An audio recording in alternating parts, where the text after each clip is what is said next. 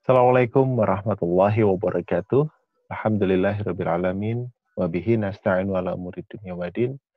Wassalatu wassalamu ala asyrafil anbiya wal mursalin Sayyidina Muhammadin wa ala alihi wa ashabihi wa man tabi'ahum bi ihsanin ila yaumiddin.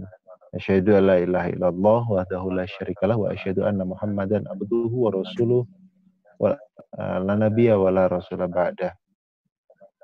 Alhamdulillah, puji syukur hanyalah milik Allah yang memberikan kita berbagai macam nikmat berupa eh, kesehatan, waktu luang, kesempatan, dan lain sebagainya, termasuk anugerah di atas segala anugerah, yakni iman dan Islam.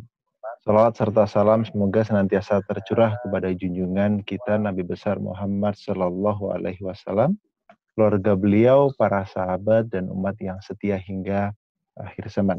Pemirsa Khilafah Channel di mana pun Anda berada, Alhamdulillah kita dapat berjumpa kembali uh, dalam channel Khilafah Channel di kesempatan hari Rabu malam dan uh, di kesempatan malam hari ini kita akan berbincang tentang sesuatu yang uh, sedang tren dan uh, ternyata menuai kontroversi, yakni tentang undang-undang uh, Minerba yang uh, baru saja disahkan uh, pada bulan Mei 2020 yang mana uh, uh, rancangan undang-undang nomor 4 tahun 2009 yang sudah jauh-jauh hari menjadi rancangan undang-undang saat ini sudah menjadi undang-undang dan uh, menimbulkan kontroversial karena uh, yang pertama tentu saja semakin tidak berpihak pada keseimbangan alam, kemudian yang kedua semakin condong terhadap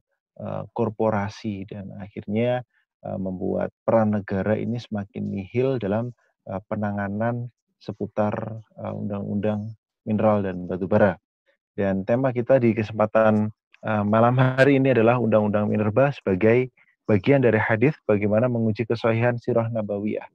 Jadi ternyata Islam ini adalah sesuatu satu ajaran yang luar biasa dan untuk urusan Eh, kepemilikan umum seperti barang tambang ini benar-benar diperhatikan oleh Islam. Nah, untuk itu kita akan membahas uh, materi aktual ini bersama uh, Ustadz Yuwanarian Trisna yang juga sudah terhubung bersama kita. Sapa terlebih dahulu. Assalamualaikum warahmatullahi wabarakatuh. Waalaikumsalam warahmatullahi wabarakatuh. Alhamdulillah, Ustadz. Bagaimana kabarnya? Sehat? Alhamdulillah. Sejauh ini sehat, agak serak-serak sedikit, insya Allah masih iya. terdengar yeah. ya. Masya Allah, iya masih masih terdengar jelas. Masih mer terdengar merdu suaranya. Alhamdulillah. Alhamdulillah. Uh, baik, saya ingatkan juga kepada pemirsa Khilafah Channel untuk uh, menyampaikan pertanyaannya melalui kolom komentar YouTube yang ada di sebelah kanan Anda. Baik, Uh, tanpa berlama-lama lagi kami persilahkan kepada Ustadz Yuwanari Andresna untuk menyampaikan materinya terkait dengan uh, Undang-Undang Minerba, kemudian berkaca dengan hadis Rasulullah Sallallahu Alaihi Wasallam. Silakan Ustadz. Bismillahirrahmanirrahim. Assalamualaikum warahmatullahi wabarakatuh. Waalaikumsalam. Alhamdulillah.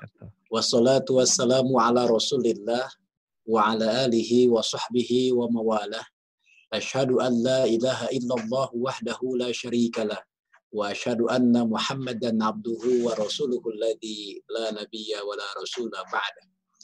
فقد قال تعالى في القرآن الكريم وهو أصدق القائلين أعوذ بالله من الشيطان الرجيم بسم الله الرحمن الرحيم يرفع الله الذين آمنوا منكم والذين والذين أوتوا العلم درجات Wa qala Nabi sallallahu wasallam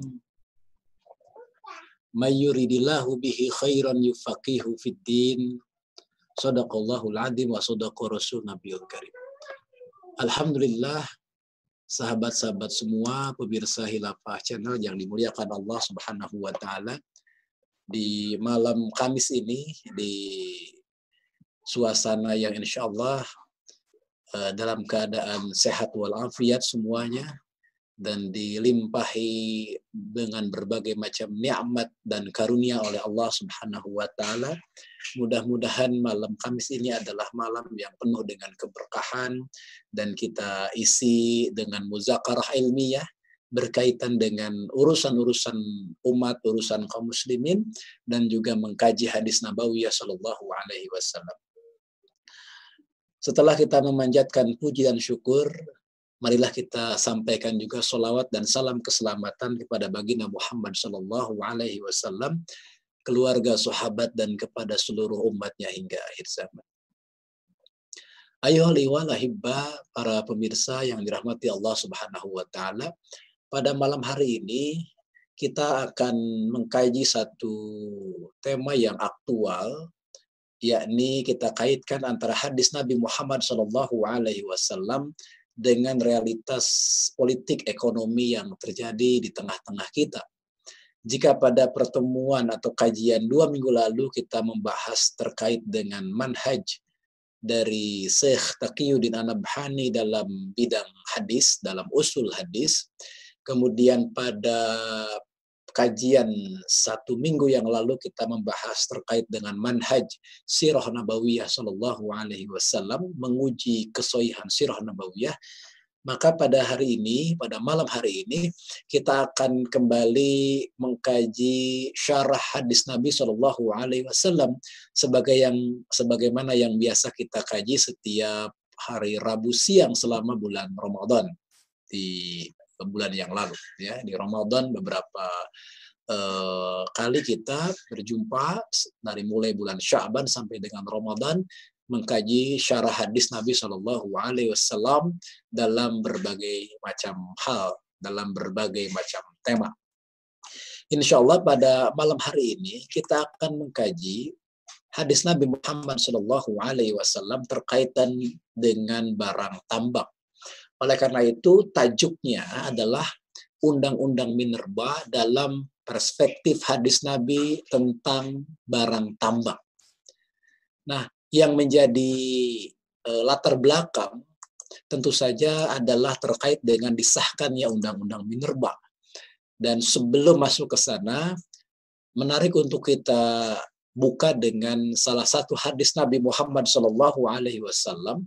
Hadis ini diriwayatkan oleh Imam Ibnu Majah dalam kitab sunnahnya di mana Rasulullah Shallallahu Alaihi Wasallam bersabda, "Sayati 'alan nasi sanawatun khadda'atu yusaddaqu fiha al-kadhibu wa yukadzabu fiha as-sadiqu wa yu'tamanu fiha al-kha'inu wa yukhawwanu fiha al-aminu wa yantiku fiha ar-ruwaybidah kila wa marwaybidah qala ar-rajulu tafih fi amril amah. Rasulullah Shallallahu alaihi wasallam bersabda bahwa akan datang pada manusia tahun-tahun yang penuh dengan kebohongan. Jadi ini menarik sekali ketika Nabi Muhammad Shallallahu Alaihi Wasallam menyampaikan bahwa yang akan datang atau kita akan menjumpai suatu masa di mana masa tersebut disebut sebagai sanawatun khadda'atu yakni tahun-tahun yang diliputi dengan berbagai macam kebohongan. Dan ciri dari tahun yang penuh dengan dusta tadi itu adalah dibenarkannya orang-orang dusta, didustakannya orang-orang jujur, ya. Yusaddaqu fihal kadhibu wa yukadzabu fiha. Dibenarkan di dalamnya orang-orang yang dusta, namun sebaliknya didustakan orang-orang yang jujur, orang-orang yang benar. Selanjutnya kata Nabi juga diberikan amanah orang yang khianat dan kemudian diabaikan atau dikhianati di dalamnya orang-orang yang amanah. Uh, bukan hanya itu, kemudian Nabi menyampaikan wayantiku fiha. Kemudian Ruwaibidah itu berbicara, ya. Eh, kemudian ketika disebutkan bahwa wayantiku fiha akan berbicara di tahun-tahun yang penuh dengan kebohongan itu siapa? Ruwaibidah lalu kemudian para sahabat bertanya kila wa ma Ruwaibidah apa itu Ruwaibidah Kemudian Rasul menjawab, ar-rajulu tafih fi amril ammah, yakni seseorang yang bodoh, laki-laki yang bodoh, orang yang bodoh di dalam mengurus urusan umum, di dalam urusan-urusan umat. Jadi uh, Rasulullah Shallallahu Alaihi Wasallam di dalam hadis ini, yakni hadis riwayat Sunan uh, Ibnu Majah menyebutkan bahwa akan datang tahun kebohongan yang benar didustakan, yang dusta dibenarkan, yang khianat diamanahi, kemudian yang amanah kemudian dikhianati, dan ternyata di dalamnya ada ruai bidoh yang berbicara, ruai bidoh yang bercakap-cakap. Dan ruai bidoh tersebut adalah ar-rajulu tafih, yakni orang yang bodoh namun diserahi urusan untuk mengurusi kepentingan umum. Nah, laki-laki yang tafih tadi itu adalah orang yang hina kalau kita merujuk ke dalam syarah Sunan Ibni Majah yang tidak bermartabat. Ruwaibidah itu adalah merupakan isim tasghir dari uh, Rabidah yaitu orang yang lemah dan malas untuk mendapatkan hal-hal yang terbaik serta putus asa untuk mendapatkannya. Jadi Ruwaibidah itu adalah satu uh, gambaran betapa pada suatu masa umat ini dipimpin oleh orang-orang yang tidak mengerti persoalan umat, orang-orang yang bodoh dengan persoalan umat.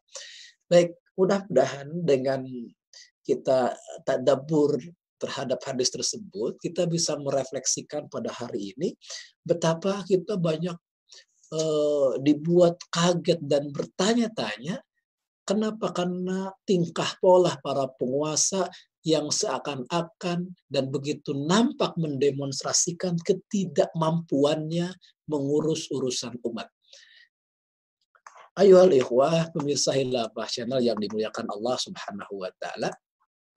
Baik kita akan uh, mengkaji hadis Nabi wasallam terkait dengan barang tambang dan kita akan mulai dengan melihat apa itu undang-undang Minerba, ya apa yang uh, menjadi muatan penting dari undang-undang Minerba itu.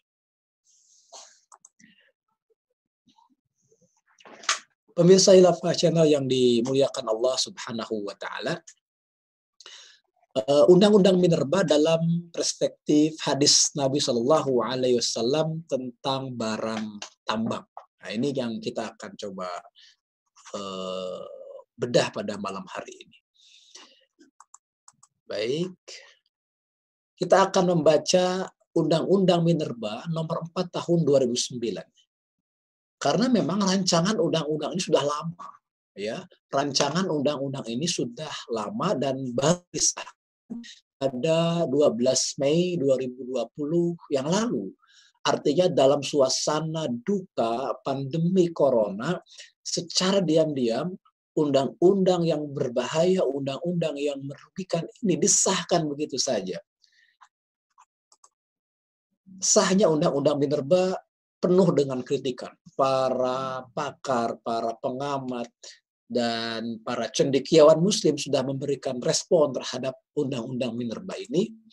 Dan ternyata baru saja disahkan, memang undang-undang Minerba ini sudah langsung panen kritik karena banyak sekali uh, cacat baik secara substansi maupun sebenarnya uh, dampak yang ditimbulkannya. Nah, apa poin kritis dari Undang-Undang Minerba? Poin kritis dari Undang-Undang Minerba yang pertama adalah mengeliminasi peran negara. Padahal uh, banyak pihak kemudian mengajukan pasal 33 Undang-Undang Dasar 1945 eh, khususnya ayat 3 yang menyebutkan bumi air dan kekayaan alam yang terkandung di dalamnya dikuasai oleh negara dan dipergunakan untuk sebesar-besarnya kemakmuran rakyat. Kenyataannya tidak demikian. Undang-undang Minerba justru lebih menguntungkan kemakmuran investor. Bahkan pada pasal tertentu, yakni pasal 169A dan B, pemegang kontrak karya dan pemegang perjanjian Eh, karya pertambangan batu bara itu akan memperoleh kemudahan untuk mendapatkan izin pertambangan khusus. Jadi perpanjangan IUPK ini tanpa melalui proses selang yang tentu berpotensi uh, akan menimbulkan kesunang-wenangan.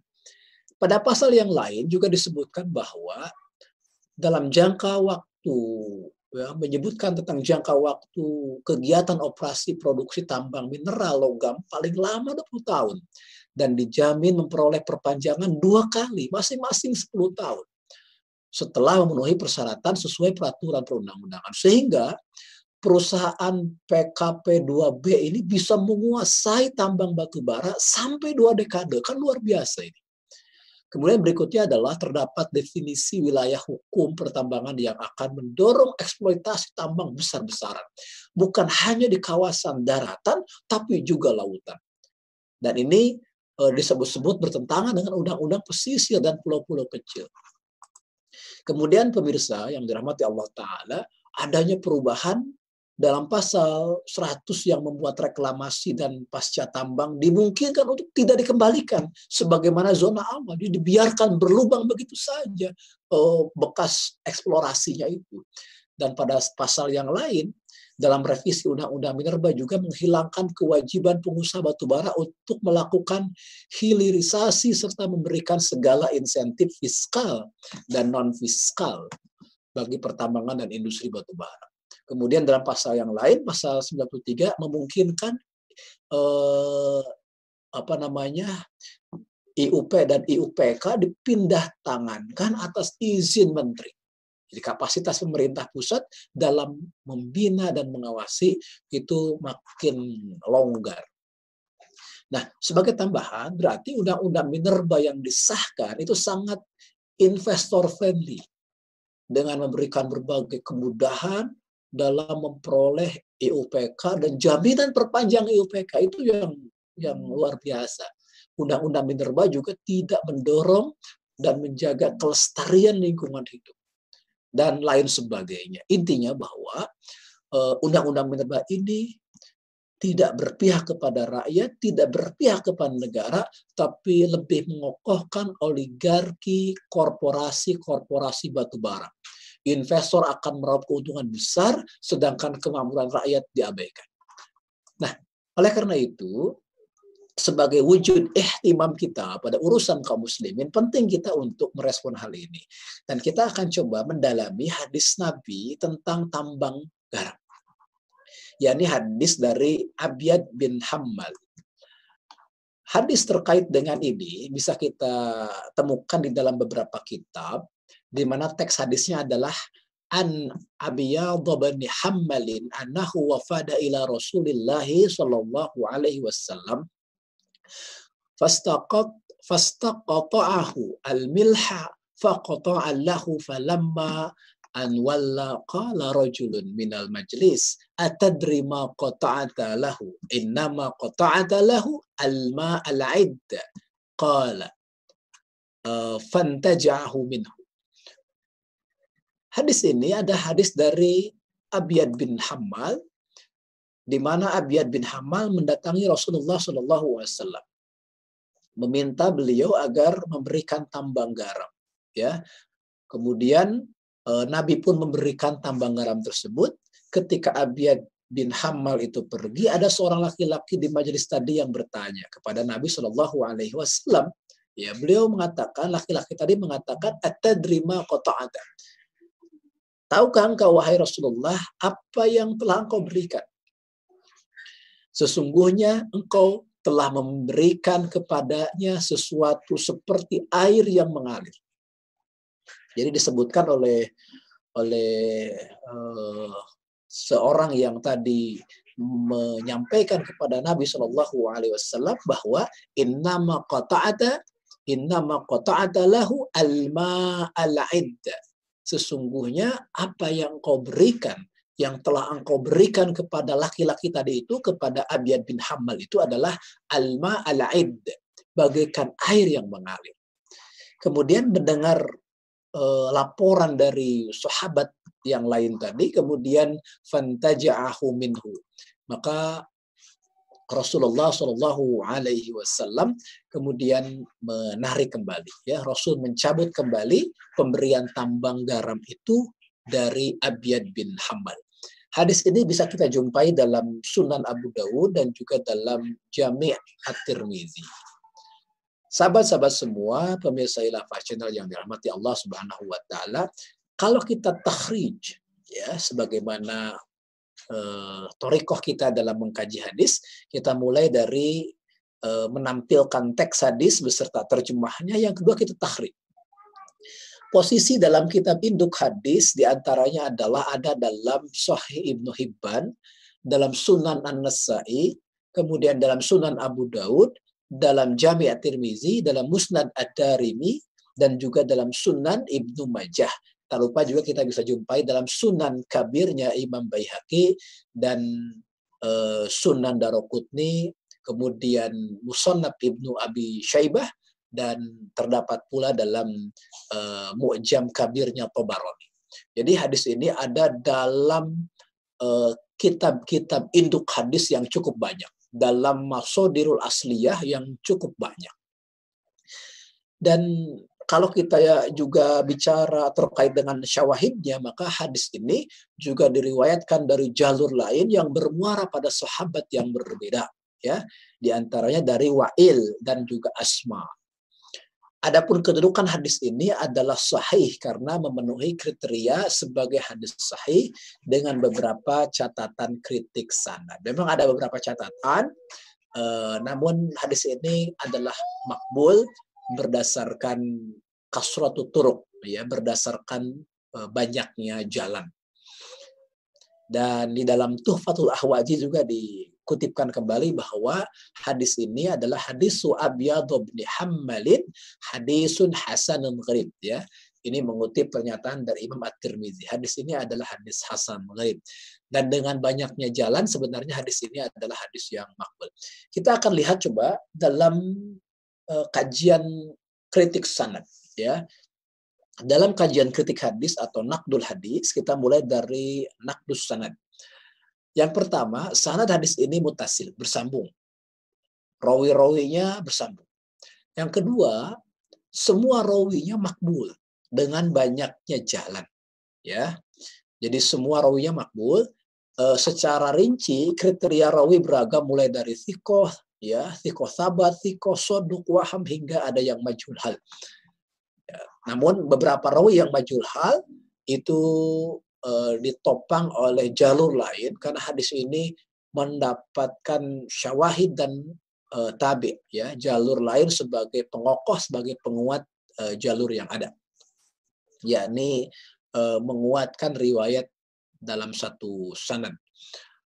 Nah, madar atau tumpuan atau pusat sanad hadis ini ada pada rawi bernama Sumair dan uh, Sumai bin Qais. Kalau kita gambarkan seperti ini kurang lebih. Ya, ini kalau kita rujuk dalam uh, Sunan Abu Daud, Sunan At-Tirmizi, kemudian Ibnu Majah dan uh, Sahih Ibnu Hibban.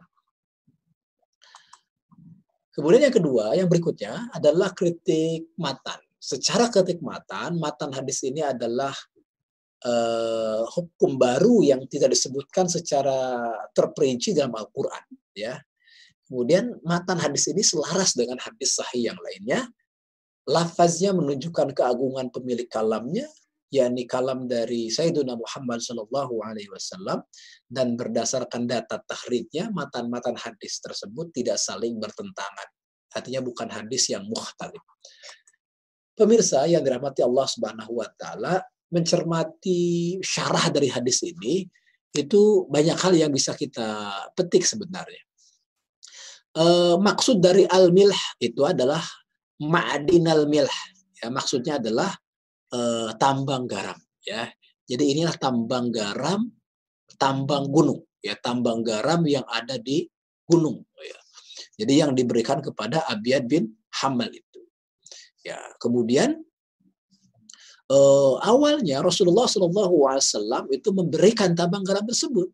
Kemudian karena uh, disampaikan satu informasi penting dari sahabat yang lain dikatakan qala rajulun minal majlis ya nah siapa itu seseorang dalam majlis dikatakan di sini huwal aqra bin hadis ya uh, kemudian setelah disampaikan begitu barulah pemberian tersebut diambil lagi. Kenapa? Karena laporan dari sahabat yang lain yang disampaikan atau yang diberikan kepada Abiyad bin Hamal, yang dikuasakan kepada Abiyad bin Hamal adalah barang tambang seperti air yang mengalir.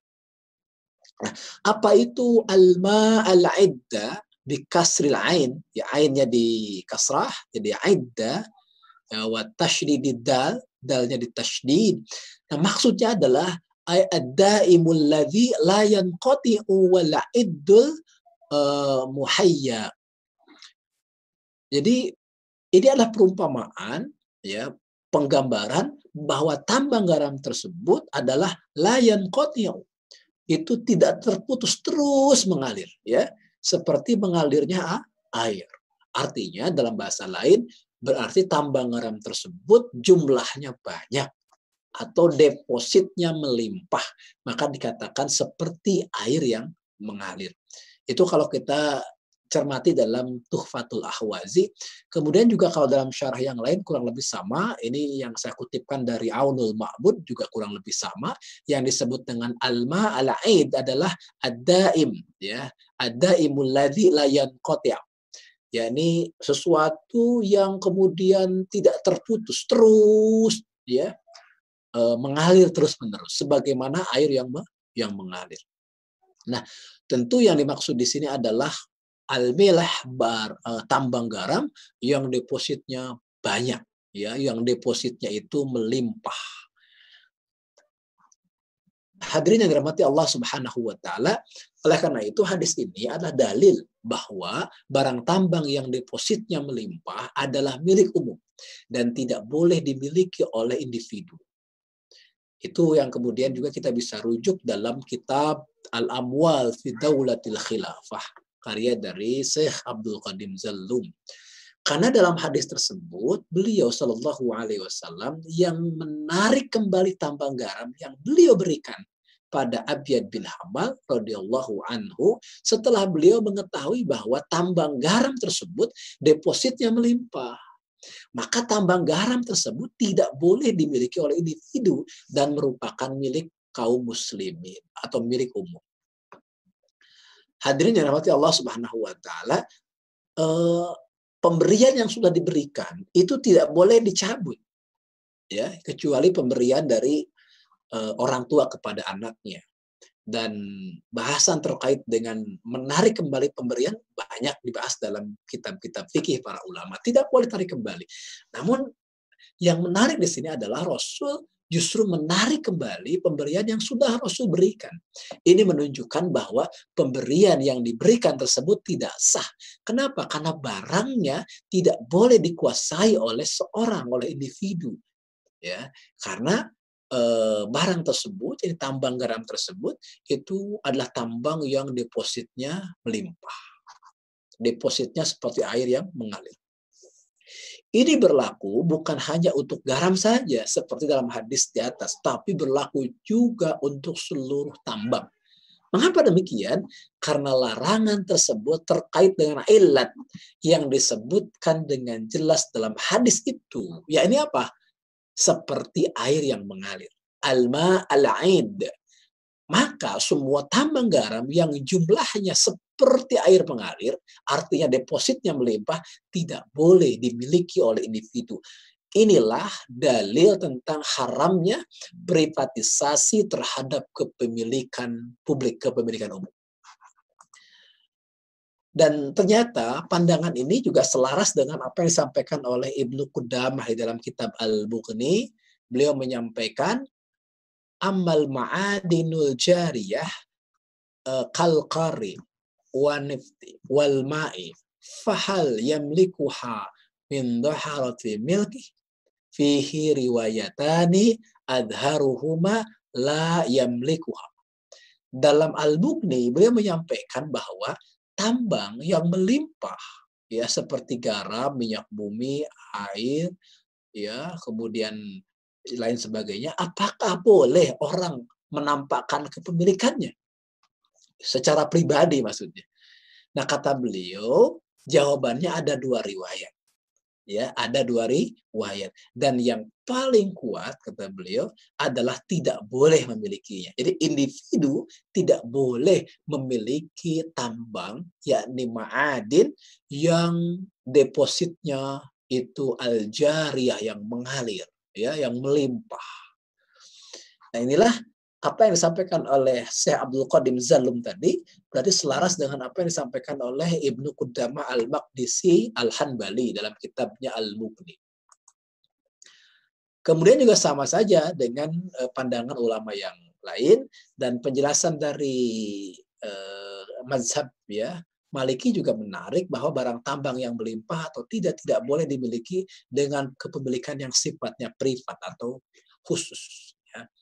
Kemudian berikutnya adalah uh, penjelasan panjang lebar di dalam kitab Al-Amwal fi Khilafah sebagaimana yang disampaikan oleh Al-Allama Syekh Abdul Qadim Zalum uh, terkait dengan pembahasan bahwa tambang garam yang depositnya melimpah tidak boleh dimiliki oleh pribadi, namun sebaliknya yang depositnya sedikit itu masih memungkinkan dikelola oleh atau dimiliki oleh individu. Pengelolaan tambang dalam Islam itu kita harus kembali kepada pembahasan tentang atau pemahaman atau kerangka tentang konsep kepemilikan dalam Islam. Kepemilikan dalam Islam dibagi menjadi tiga. Satu, ada milkiyah fardiyah. Yang kedua ada milkiyatul ammah. Yang ketiga ada milkiyatul daulah.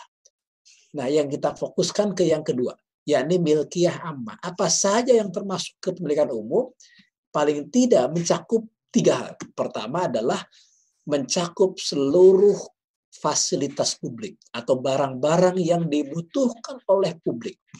Yang kalau tidak ada, publik akan bersengketa untuk mendapatkan yang mencarinya.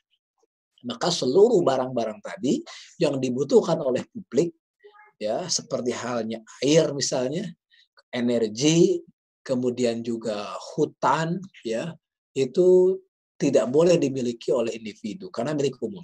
Yang kedua adalah barang tambang yang depositnya melimpah. Kalau dalil untuk yang pertama itu adalah annasus suroka'u fi salasin uh, fil ma'i wal kala'i wan. Yakni manusia atau kaum muslimin itu berserikat dalam tiga hal. Yang pertama adalah air, yang kedua padang rumput, yang ketiga api. Nah, itu terkait dengan eh, barang-barang yang dibutuhkan oleh publik. Nah, yang kedua adalah barang tambang yang depositnya melimpah. Ini dalilnya adalah di antaranya eh, hadis tentang tambang garam dari riwayat Abiyad bin Hamal tadi. Dan yang ketiga, pasti dalam kategori kepemilikan umum adalah barang yang secara pembentukan eh, mustahil dikuasai oleh uh, individu, misalnya seperti lautan gitu ya, uh, sungai dan seterusnya. Jadi pada poin yang kedua yang kepemilikan umum ada pembahasan tentang uh, barang tambang yang depositnya melimpah. Jadi di situlah posisi barang tambang itu, yakni sebagai milik publik ya, milik umum. Nah kesimpulannya apa? Barang tambang dengan deposit melimpah seperti migas, ya, nikel, tembaga, batu bara dan lain sebagainya termasuk milkiyatul ammah.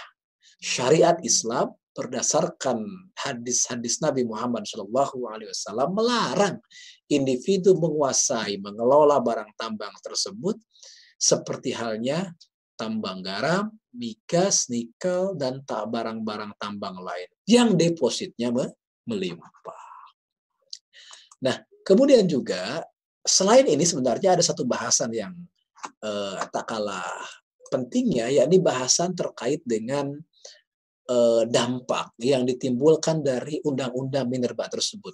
Jadi bukan saja menyalahi syariat karena menyalahi prinsip kepemilikan yang harusnya milik publik dikelola oleh negara, malah ini diserahkan kepada uh, swasta ya dan diberikan kelonggaran bagi swasta untuk menguasainya bahkan sampai uh, dua dekade.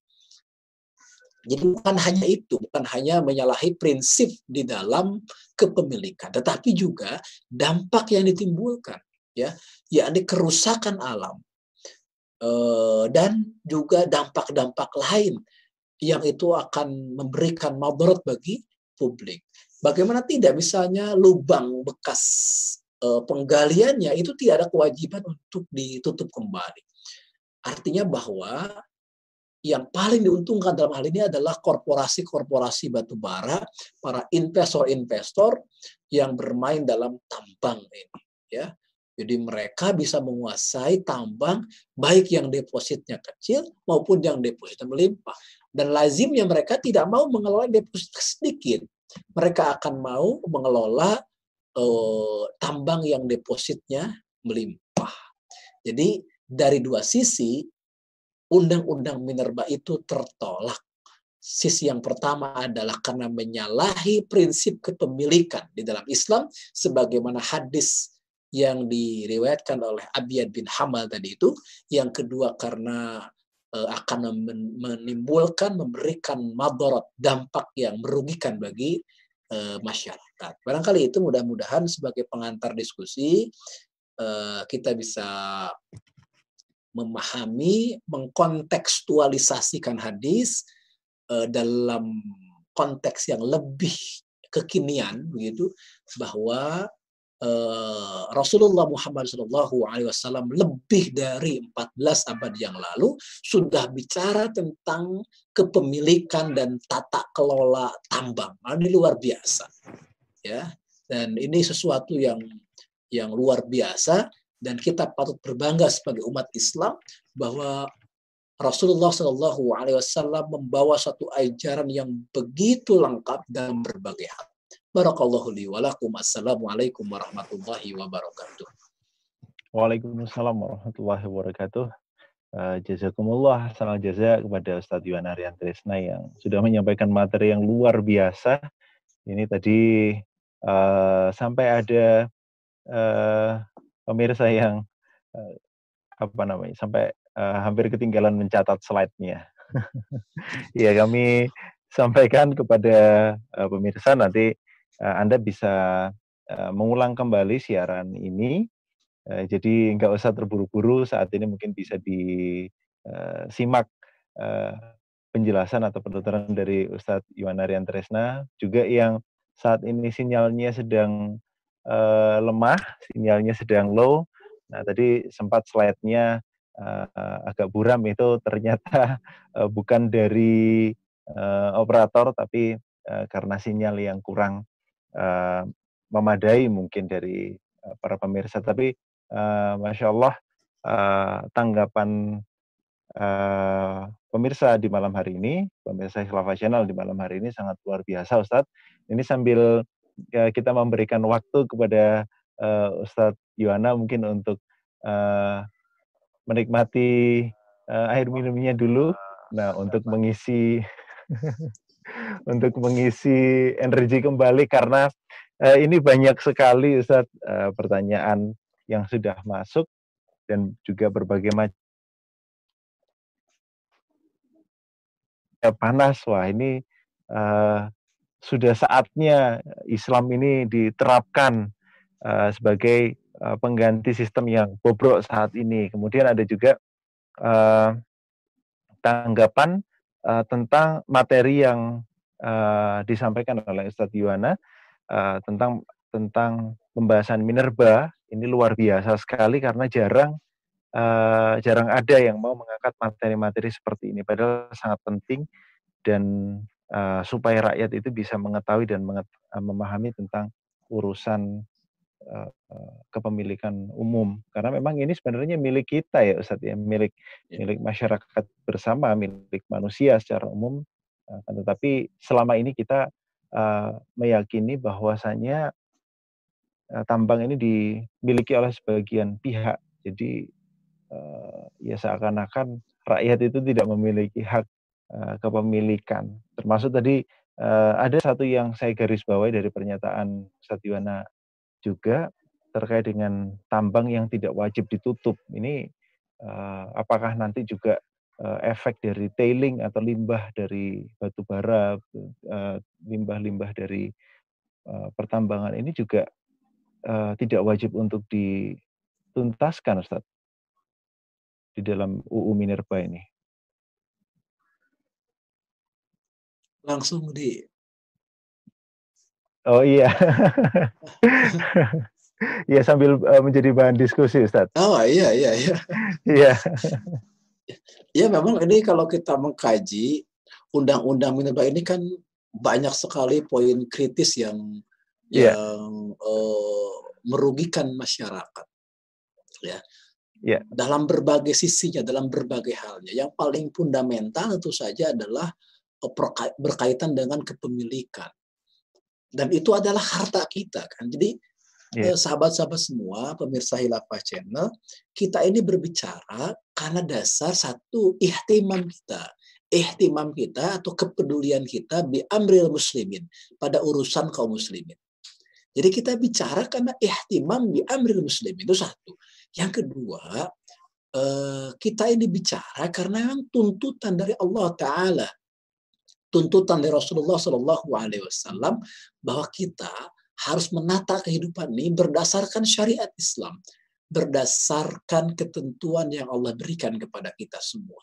Karena bagaimanapun Allah Subhanahu wa taala memberikan janji kepada kita bahwa pada saatnya nanti kitalah umat Islam yang akan menjadi pemegang kendali yang akan mengurusi bumi ini. Karena masa depan kita itu kan masa depan kepemimpinan masa depan kita ini adalah masa depan mengurusi bumi ini, memimpin dunia ini, dan menggeser orang-orang yang uh, melakukan kerusakan di muka bumi ini. Jadi kita itu dalam rangka menyiapkan diri, uh, merespon apa yang dijanjikan oleh Allah Subhanahu Wa Taala dan dikabarkan oleh Rasulullah Shallallahu Alaihi Wasallam sebagai pengatur bumi ini. Kemudian yang ketiga, kita bicara semacam ini karena karena kita uh, karena kita uh, meyakini bahwa dengan diterapkannya aturan Islam itu akan memberikan kebaikan kepada kita semua. Tentu kebaikan yang utama di akhirat ya dan juga akan memberikan kebaikan di dunia.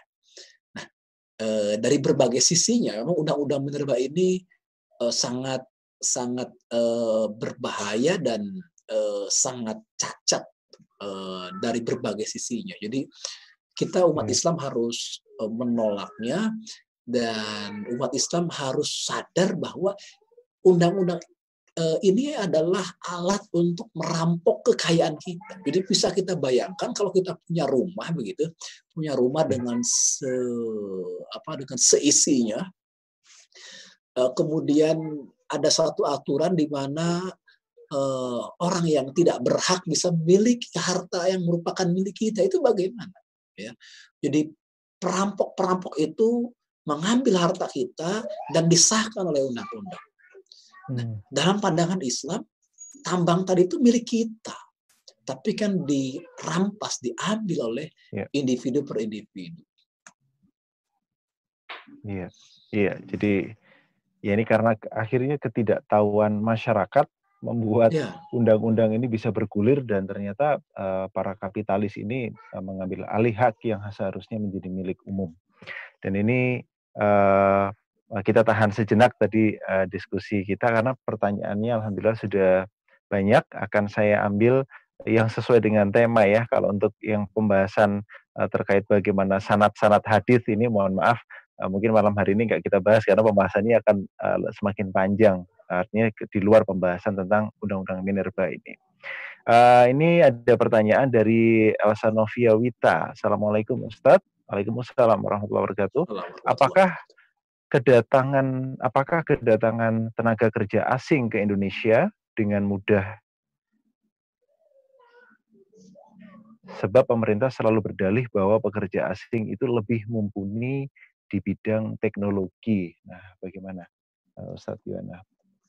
Ya, jadi uh, sebenarnya tenaga kerja kita dari sisi kemampuannya, skillnya kan tidak kalah dengan tenaga kerja asing. Bahkan banyak sekali putra-putri dari negeri ini, lulusan terbaik dari negeri ini yang justru banyak mengabdi di eh, perusahaan-perusahaan besar bahkan di luar negeri. Artinya eh, ini masalah keberpihakan. Kan politik itu pada akhirnya adalah keberpihakan. Ya, selain politik itu eh, pengurusan urusan-urusan kaum muslimin, politik itu juga berbicara keberpihakan. Nah, kita tidak melihat adanya keberpihakan pada pada hari ini kepada rakyat ya kepada kaum muslimin khususnya. Sehingga eh, justru rakyat di dalam negeri makin susah untuk mendapatkan pekerjaan, namun tenaga kerja asing itu begitu mudahnya masuk ke negeri ini dan mendapatkan posisi yang strategis Yeah. Iya. bahkan sekarang juga bukan hanya posisi strategis, sampai dengan posisi kuli pun diisi. Ini luar biasa. Awalnya kan posisinya posisi strategis saja, sekarang semua posisi iya. diisi. Yeah. Ini uh, bagian dari keberpihakan tadi itu. Iya. Nah, uh, kemudian uh, ini juga dilanjutkan dengan berbagai macam pertanyaan mengenai pengelolaan uh, sumber daya alam dalam hal ini adalah uh, tambang begitu. Jadi uh, bagaimana sih Ustadz uh, hukumnya uh, ikut terlibat mengurusi tambang yang bersifat uh, pribadi dalam hal ini sebagai pekerjanya bukan pemilik. Nah, ya uh, tambang itu secara kriteria apakah depositnya melimpah ataukah depositnya sedikit ya, terbatas. Yeah. Kalau depositnya melimpah, berarti itu adalah uh, kepemilikan umum. Sedangkan kalau depositnya sedikit, berarti hmm. sah dimiliki oleh individu. Misalnya kalau kita menggali uh, sumur di belakang rumah kita, kita menjumpai yeah. Uh, satu tambang tertentu yang jumlahnya kecil, maka itu bisa di bisa dikelola oleh individu dengan dikeluarkan zakatnya, ada zakat pertambangan nanti. Nah, hmm. tapi kalau itu milik, kalau itu depositnya melimpah seperti air yang mengalir, alma al-aid tadi itu, maka tidak boleh dimiliki oleh individu. Dan ini konteksnya kepada masalah kepemilikannya ya. Bukan yeah. seseorang menjadi ajir di perusahaan tersebut. Itu lain lagi. Karena itu adalah uh, hukum terkait dengan ijarah di mana dia punya keahlian kemudian bekerja uh, di suatu perusahaan dan ini terkait dengan uh, akad ijarah uh, memberikan jasa dan mendapatkan hak balas jasanya berupa ujroh. Nah, yang sekarang kita sedang potret sebenarnya bukan para pekerja Indonesia misalnya yang bekerja di sana ya kalau itu akad ijarah tapi Eh, para pemilik usahanya itu, para investornya, para ownernya itu yang bermasalah karena dia uh, menyalahi prinsip kepemilikan di dalam Islam. Iya, kalau dari batasannya sendiri uh, banyak sedikitnya ini bagaimana saat ini ada pertanyaan yang kebetulan uh, menyambung ke situ juga. Jadi yeah uh, batasan disebut banyak bagaimana, kemudian disebut sedikit seperti apa? Ya ini terkait dengan manat, ini terkait dengan hmm. wakil, terkait dengan fakta yang memang harus dijelaskan secara lebih kuantitatif ya, lebih matematik ya. gitu uh, oleh pihak yang memang memiliki kompetensi di bidang itu. Gitu. Ya. Uh, syariat hanya memberikan batasan global bahwa depositnya banyak melimpah atau depositnya sedikit ya tidak melimpah maksudnya itu batasan yang diberikan oleh uh, syarat nanti pendetilannya itu ditetapkan oleh ahlul hibroh oleh orang yang memiliki kompetensi di bidang itu uh, sampai muncul angka-angka yang sifatnya kuantitatif. Misalnya kalau untuk minyak berapa barrel misalnya kan ya itu uh, cadangan di dalam. Itu lebih lebih kepada persoalan wakil itu. Nanti akan di akan dijelaskan uh, oleh eh, pihak-pihak uh, yang memiliki kompetensi dalam bidang itu. Termasuk kalau nanti khilafah ada maka khilafah akan menetapkan berdasarkan pandangan ahlul hibroh ya berdasarkan pandangan uh, ahli atau menurut pendapatnya sendiri maka nanti akan ditetapkan apa atau berapa batasan dari uh, seperti air yang mengalir itu. Iya, iya, iya. Ya, jadi ternyata uh, memang lagi-lagi uh, masalah ini juga berujung pada uh, kebijakan negara yang mana negara itu ya kalau memang mau diatur secara Islam oleh uh, secara menyeluruh maka ya tidak lain wadahnya adalah khilafah begitu. Dan ini uh, memang sebuah keniscayaan yang akhirnya menimbulkan banyak sekali pertanyaan. Uh, Ustadz bagaimana misalnya kalau sekarang ini ada uh, dalih begitu ya atau pembenaran uh, bahwa undang-undang minerba ini dibuat karena uh, negara tidak mampu mengelola tambang-tambang yang ada ini karena biaya eksplorasinya yang tinggi begitu. Para ahli justru sudah membantah masalah ini kan sebenarnya. Hmm. Jadi sering kali negara ini dipandang atau diopinikan tidak mampu mengelola. Padahal ya, yang ya. terjadi adalah negara ini dibuat lumpuh untuk tidak mampu mengelola. Hmm. Jadi negara ini mampu mengelola sebenarnya, namun secara perlahan dibuat mampu, dibuat lumpuh, dibuat tidak mampu hmm. mengelola. Uh, misal apa yang terjadi dengan dengan apa namanya dengan uh, beberapa perusahaan negara, ya, uh, yeah. misalnya PLN dan lain sebagainya, itu hmm. ke, apa namanya kenapa desakan untuk untuk apa namanya untuk uh, diambil alih oleh swasta makin makin kuat uh, karena memang perusahaan-perusahaan negara yang demikian luar biasa itu yang harusnya tidak pernah rugi namun faktanya kan rugi diopini kan rugi kan ini menarik perusahaan yang secara monopoli itu menguasai uh, satu hajat hidup orang banyak yang secara logika kan harusnya untung, tapi ini rugi. Iya.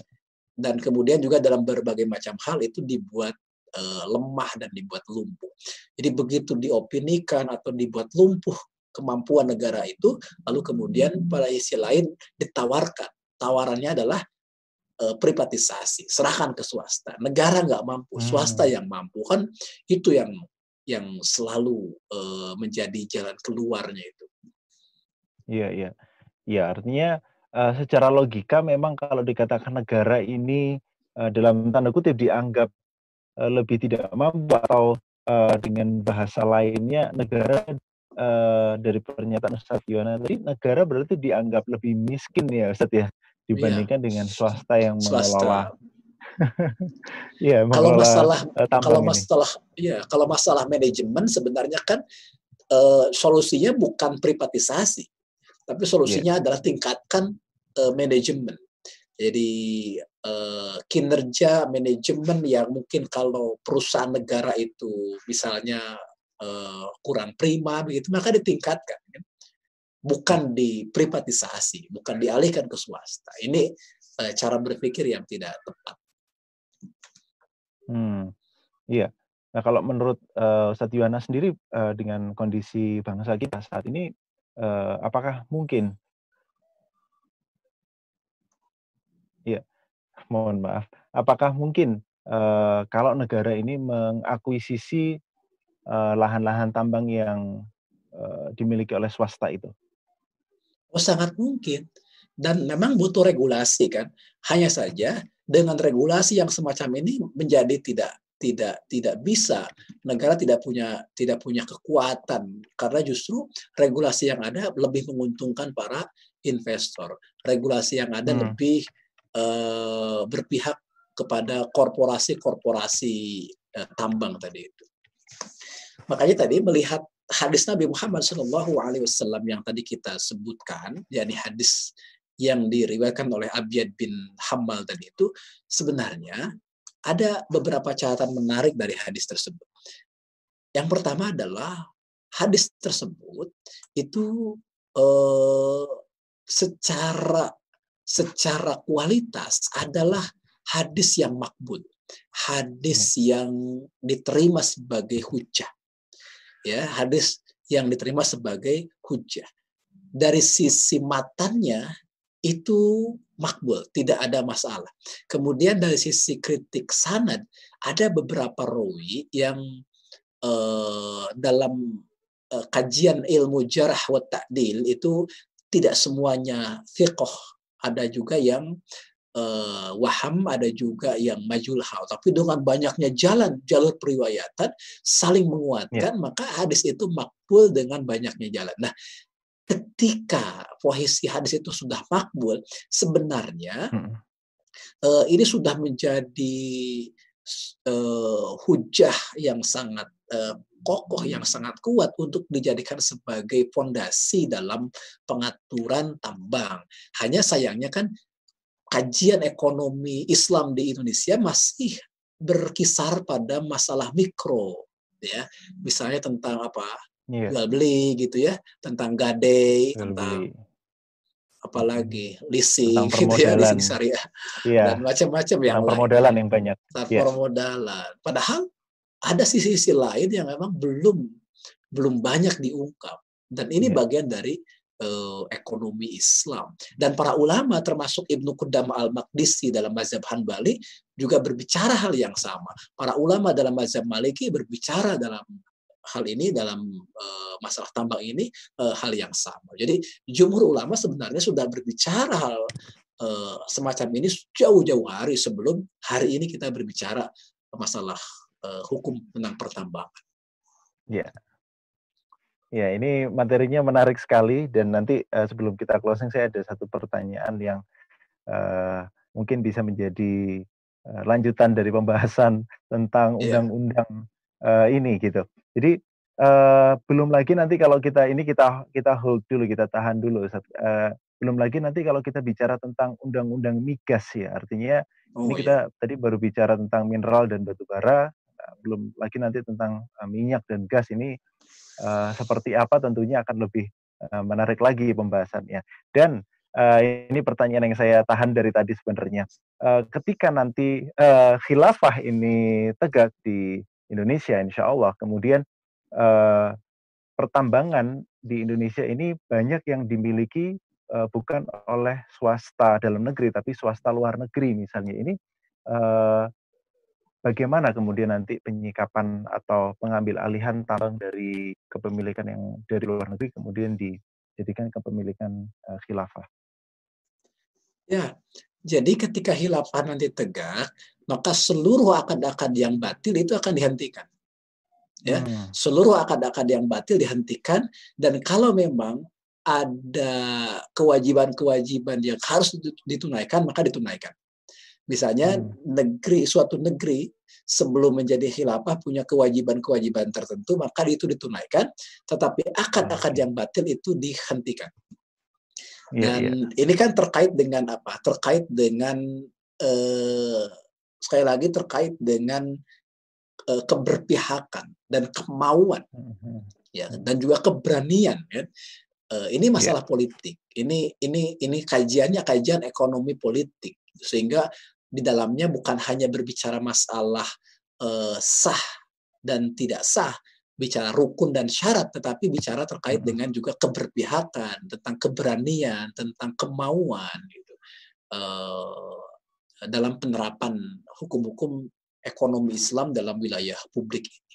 Dan insya Allah pada saatnya nanti eh, seorang khalifah akan mengevaluasi semua akad-akad kontrak-kontrak yang ada batil maka putus semuanya. Ya semua akad yeah. yang batil putus semuanya. Dan itu uh, mudah saja dilakukan kalau uh, ada kemauan ada kemampuan dan ada keberanian. Dan itu hanya ada dalam negara yang punya ideologi negara yang punya hmm. visi negara yang punya dasar yang jelas. Dan kalau Islam kan jelas dasarnya akidah Islam visinya adalah untuk menyebarkan Islam, untuk meninggikan kalimat Allah Subhanahu wa taala. Hmm, iya. Nah, ini uh, ending yang luar biasa sekali menjadi penyemangat bagi kita juga bahwasanya Islam ini ternyata uh, bukan hanya agama yang mengatur ibadah ritual semata, tapi ternyata apa-apa yang ada di alam semesta ini diatur sedemikian rupa oleh uh, Islam sehingga bisa memberikan manfaat, bisa memberikan kebaikan untuk uh, seluruh umat manusia. Dan insya Allah nanti uh, unek-unek soal undang-undang migas itu bisa kita bahas di lain kesempatan ya. Insya ya? Allah kalau requestnya begitu, pekan depan kita akan membedah undang-undang migas menurut hadis Nabi Muhammad SAW. Masya Allah. ya, untuk uh, pemirsa hadis, yang ya, ya. untuk uh, materi yang tadi banyak yang minta materi kayaknya. Insya Allah nanti materi yang ya. ini seperti biasa kita akan uh, uh, apa sebarkan, termasuk uh, nanti di kolom komentar YouTube ini. Uh -huh. Nah, kita akan kasih linknya di sana ya. Masya kan, Allah, iya. Ya, nanti silahkan dikunjungi lagi di kolom apa di kolom komentarnya nanti linknya tinggal di dalam yeah. saja. Iya, betul sekali. Iya, untuk ya. yang tadi uh, pemirsa yang sudah uh, senggol-senggol soal migas ini di kolom komentarnya, kenapa nggak saya bahas? Karena pembahasannya khusus, insya Allah uh, disiapkan oleh Ustadz Yuwana uh, untuk pekan depan. Dan untuk yang tadi uh, juga kebingungan soal PowerPoint-nya, uh, soal slide-nya kurang jelas dan lain sebagainya. Nah, nanti silakan dikunjungi lagi uh, tayangan ini untuk bisa mendownload uh, PowerPoint yang uh, malam hari ini sudah ditampilkan oleh Ustadz Yonarian Nah, Dan akhirnya uh, satu jam lebih ini sepertinya sudah berlalu uh, dari pukul 21 waktu Indonesia Barat. Kita harus uh, tahan dulu, kita pending dulu uh, kajian kita di malam hari ini. Kami ucapkan Uh, jazakumullah ahsanal jaza kepada Ustadz Yuan Aryan Tresna yang sudah memberikan materi yang luar biasa dan insya Allah kita akan ketemu lagi dengan uh, materi seputar undang-undang migas di kesempatan yang akan datang. Dan kami sampaikan juga terima kasih sebanyak-banyaknya kepada pemirsa Khilafah Channel yang sudah bergabung dan memberikan atensinya. Insya Allah pertanyaan-pertanyaan yang belum dijawab akan uh, dikupas lagi di episode-episode yang akan datang. Jangan lupa untuk terus menyaksikan kajian online di Khilafah Channel setiap hari pukul 20 waktu Indonesia Barat. Dan akhirnya saya Ahmad Adiasta mewakili segenap kru yang bertugas di malam hari ini mengucapkan jazakallah asanal jaza, jazakumullah asanal jaza atas partisipasinya. Kami pamit mundur diri dari uh, layar kata Anda. Bila walidaya. Assalamualaikum warahmatullahi wabarakatuh.